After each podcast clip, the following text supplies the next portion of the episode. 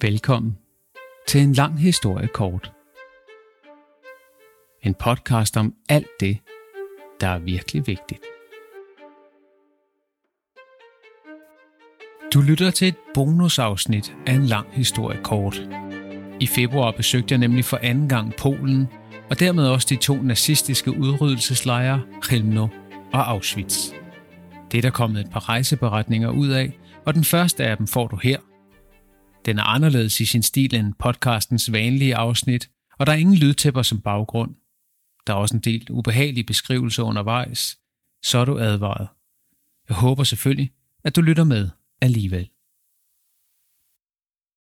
I Helnos enten eller.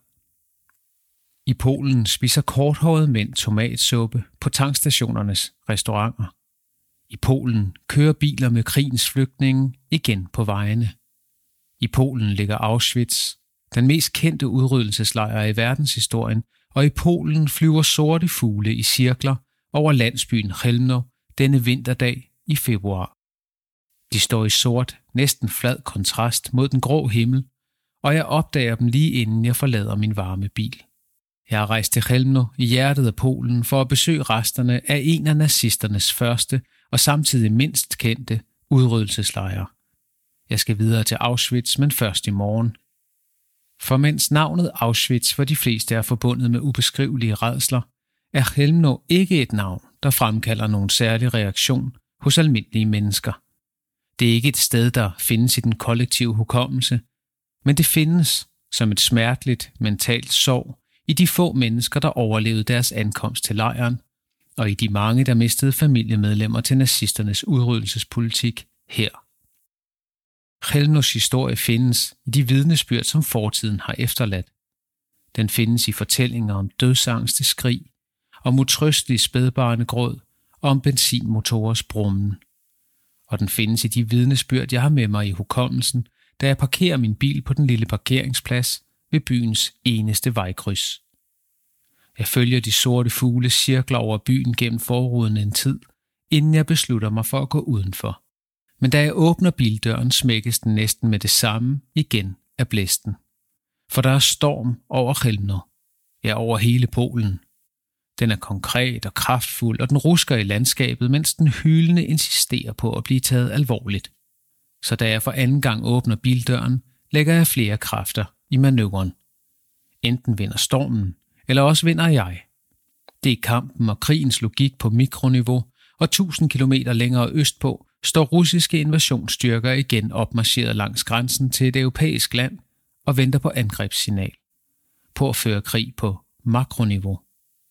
For mens jeg opsøger fortiden, blæser nutidens storpolitiske storme insisterende over de samme områder, som for 80 år siden fik lov at danne rammen om samtidens totalitære regimers samfundsstrømme. I skrivende stund har de russiske styrker overskrevet grænsen til Ukraine, blodet flyder på ny, men under mit besøg i Helmno findes krigen stadig kun som en insisterende mulighed i mine tanker, mens jeg i andet forsøg besejrer blæsten og kommer ud af bilen. Det er kontrasterne, der indrammer denne rejse til Polen. Og lige nu er det kontrasten mellem maligheden i min varme, tyskproducerede bil og den fugtige og stormende kulde i landsbyen Helmno, der overrasker mig. Helmno er på overfladen næsten ingenting. Det er en hovedvej og en række pussede huse, det er en brandstation med hele fire forskellige indgraverede messingplader, som fejrer brandstationens runde jubilæer fra 1918 og til i dag. Og så er det en kirke, som tårner højt over husene. Men selvom nu ikke syner af meget, er den ikke ingenting. Jeg er taget hertil for at huske de 200.000 mennesker, som blev myrdet her og brændt små 5 km væk i massegrave i en skov. I dag er jeg alene om at være her. Her er ikke andre. De nærmeste mennesker står 300 meter herfra over ved kirken, som i dagens anledning danner rammen om sit eget lille drama. For stormen har revet i sinktaget og skrællet den højre side af, så de brune og mørnede lægter og spær ligger synlige i stormværet. Det er et forunderligt syn, og inden jeg besøger pladsen, som dannede rammen om nazisternes menneskeudryddelse, går jeg over mod kirken. Den giver mig adgang til det skjulte under dens storladende facade. Kirkens skrøbelige skelet ligger pludselig blottet og trækker en hver ophøjet følelse, som ellers knytter sig til bygningen, ud af øjeblikket. Sænktaget lyser, mens træskelettet indenunder næsten virker som en mørke lygte midt på himlen. Stormen er ved at besejre den, og ingen må komme for tæt på. Det ærger mig. For kirken danner ramme om en scene i Claude Lanzmanns 9,5 timers dokumentar om holocaust. Shoah hedder den, og navnet er den hebraiske betegnelse for holocaust.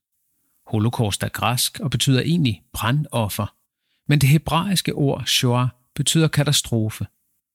Jeg har altid foretrukket den betegnelse, fordi jeg ikke bryder mig om de religiøse undertoner i betegnelsen holocaust, altså brandoffer.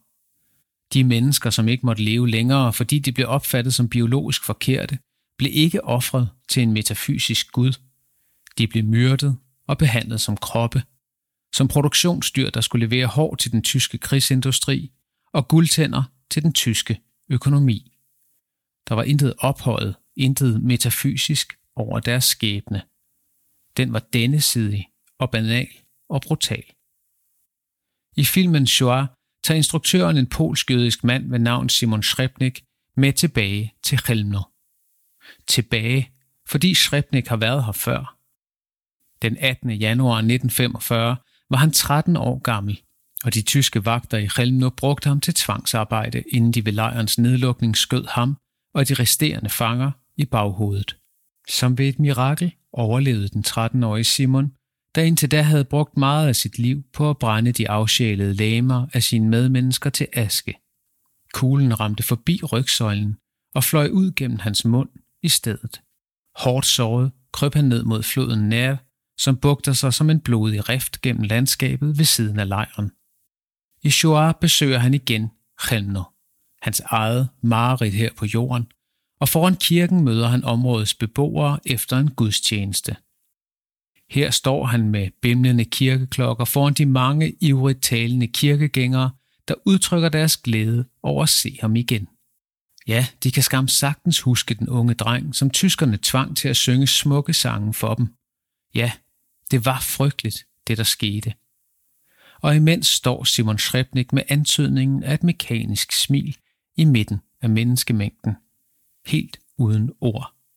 Hans øjne er fjerne, dissocierede, blikket er næsten tomt.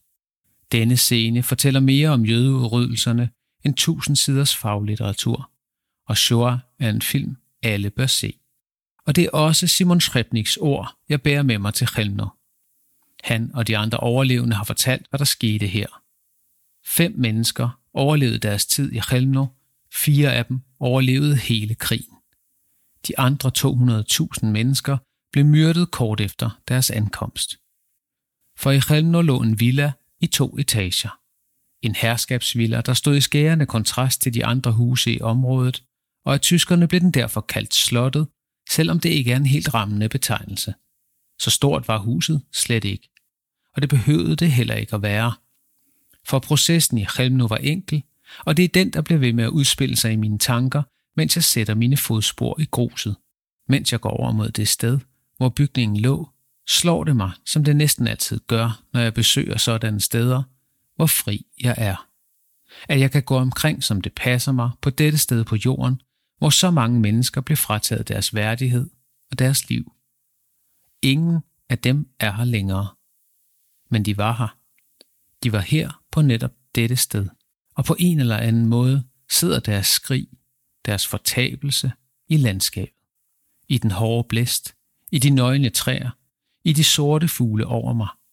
Egentlig ved jeg jo godt, at deres skrig i virkeligheden sidder i mig. At de sidder i den viden, jeg bringer med til stedet, og at stedet farves af min fortolkning af det, jeg ser. Men jeg har svært ved at skille mit indre fra det ydre, mens jeg går her.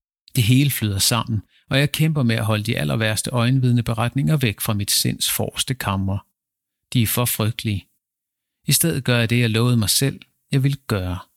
I den jødiske tradition siger man angiveligt, at alle mennesker dør to gange. Første gang, når hjertet stopper sin slag, og anden gang, når nogen siger ens navn for sidste gang. Jeg har lært mig selv navnene på nogle af de børn, der blev myrdet i Chelmno i 1942. Og mens jeg går her, siger jeg deres navne højt. Hanna Berger, to år gammel. Bejla Belkhatovski, et år gammel. Wolf Jehudis Sasha Simperknop, 8, 6 og 3 år gamle. Deres navne stammer fra en liste med 593 børn, der blev myrdet i august 1942 i Chelmno. Jeg gentager navnene, mens jeg går. De er ansigtsløse for mig, men de har levet en gang. Og jeg fylder uden modstandskraft mine egne børns ansigter ind i øjenvidneberetningerne. Bejla, Hanna, Wolf, Yehudis og Shasha har været lige her, hvor jeg går. Jeg håber, at de var her med deres forældre, men jeg ved det ikke. Og under alle omstændigheder har de levet en stor del af deres korte liv i angst. Den villa, de ankom til, er her heller ikke længere. Den blev revet ned, da tyskerne forlod lejren kort inden krigens afslutning. Som i Belzec, Sobibor og Treblinka ønskede nazisterne ikke, at der skulle være spor efter deres gerninger. Det eneste, de efterlod i området, var en nedbrændt lade.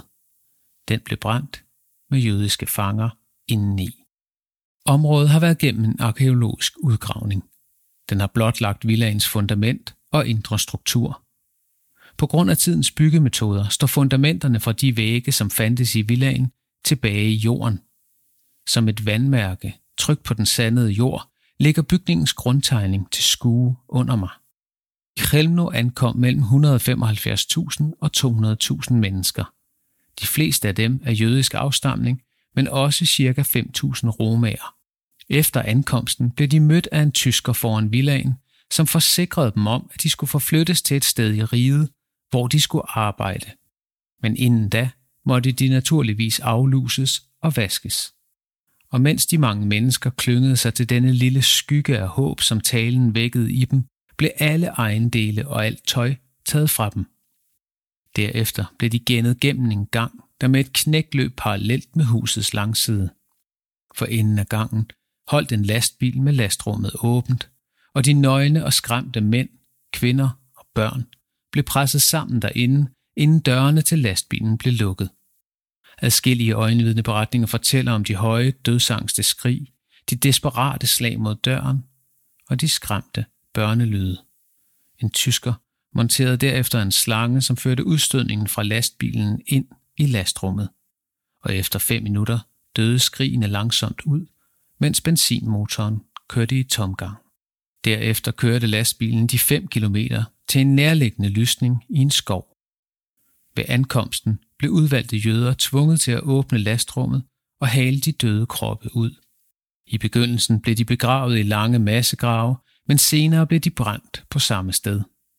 Man ønskede ikke, at eftertiden skulle afsløre de forbrydelser, man foretog sig i den lille landsby. Og mens jeg står her og tænker på, hvor mange mennesker, der blev myrdet på denne lille plet på jorden, følger mine øjne den gang, som offrene måtte løbe ad. Den ligger som et fingeraftryk i fundamenterne under mig, mens stormen raser over mig. Der er lovet vindstød af orkanstyrke i Polen. Men jeg har ikke lyst til at gå, for intet ubehag jeg føler er værd at nævne på et sted som her. Jeg er her, fordi Chelmno ikke er et sted, der fylder i den almindelige fortælling om holocaust. Men de mennesker, som blev myrdet her, var ikke anderledes end dem, som blev myrdet andre steder. De fortjener også at få deres navne sagt højt. Jeg søger ly i det lille museum, som ligger på pladsen, men stormen har taget al elektricitet i Chelmno. Museet er totalt mørkelagt. Jeg tænder lygten på min mobiltelefon og oplyser de genstande, som er udstillet i det vinduesløse museumsrum.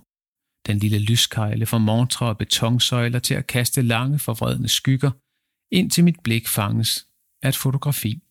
Ud af mørket stiger fem mænd på mig. I bare overkroppe og med mørke øjne kigger de fra fortiden ind i lysstrålen fra min telefon. Deres ansigter er næsten uden mimik, men der lyser en stille trods ud af dem. De findes ikke længere. De blev myrdet her i Helmno, men de kigger på mig. Der er 80 år mellem dem og mig. Ikke længere end det, men det er samtidig også en uigennemtrængelig evighed. Jeg bevæger mig til sidst udenfor igen. Jeg forsøger at trodse elementerne, men efter tre timer må jeg overgive mig. Regnen pisker ned, og jeg sætter mig tilbage i den Audi, jeg har lejet på turen. Også jeg tænder en benzinmotor i Helmno. Den spinder jævnt i sin motorgang, og jeg kører ud fra parkeringspladsen og forbi kirken. Inden jeg sætter kursen mod Auschwitzim, af tyskerne kaldet Auschwitz, 300 km længere sydpå, vil jeg besøge det sted, hvor massegravene tog imod de myrdede jøder og romager. Jeg kører derfor i første omgang de samme 5 kilometer, som offrene blev fragtet, mens de langsomt blev kvalt af kulilte i lastrummet. Og det føles næsten kvalmende, da varmen begynder at brede sig i min kabine. Jeg kører i den helt særlige tid på dagen, der hvert efterår og forår skaber sælsomme synsindtryk. Himlen står oplyst mod fyretræernes silhuetter. Det er aften på jorden, men ikke på himlen. Kontrasterne skærpes i denne aftentime.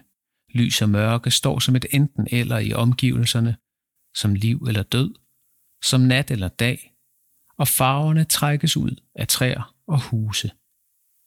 Jeg åbner bildøren, trodser endnu en gang blæsten af regnen, og bevæger mig ind i skovens mørke. Det var min rejseberetning fra Chelmno. Hvis du er interesseret i at se nogle af de billeder, jeg tog undervejs, så kan du finde dem på en lang historie korts Facebook-profil, og i denne omgang lægger jeg dem ikke op på Instagram. Jeg kan ikke helt forklare hvorfor, men der er et eller andet, der føles forkert ved at gøre det. Tak fordi du lyttede med, og jeg glæder mig til, at vi høres ved næste gang.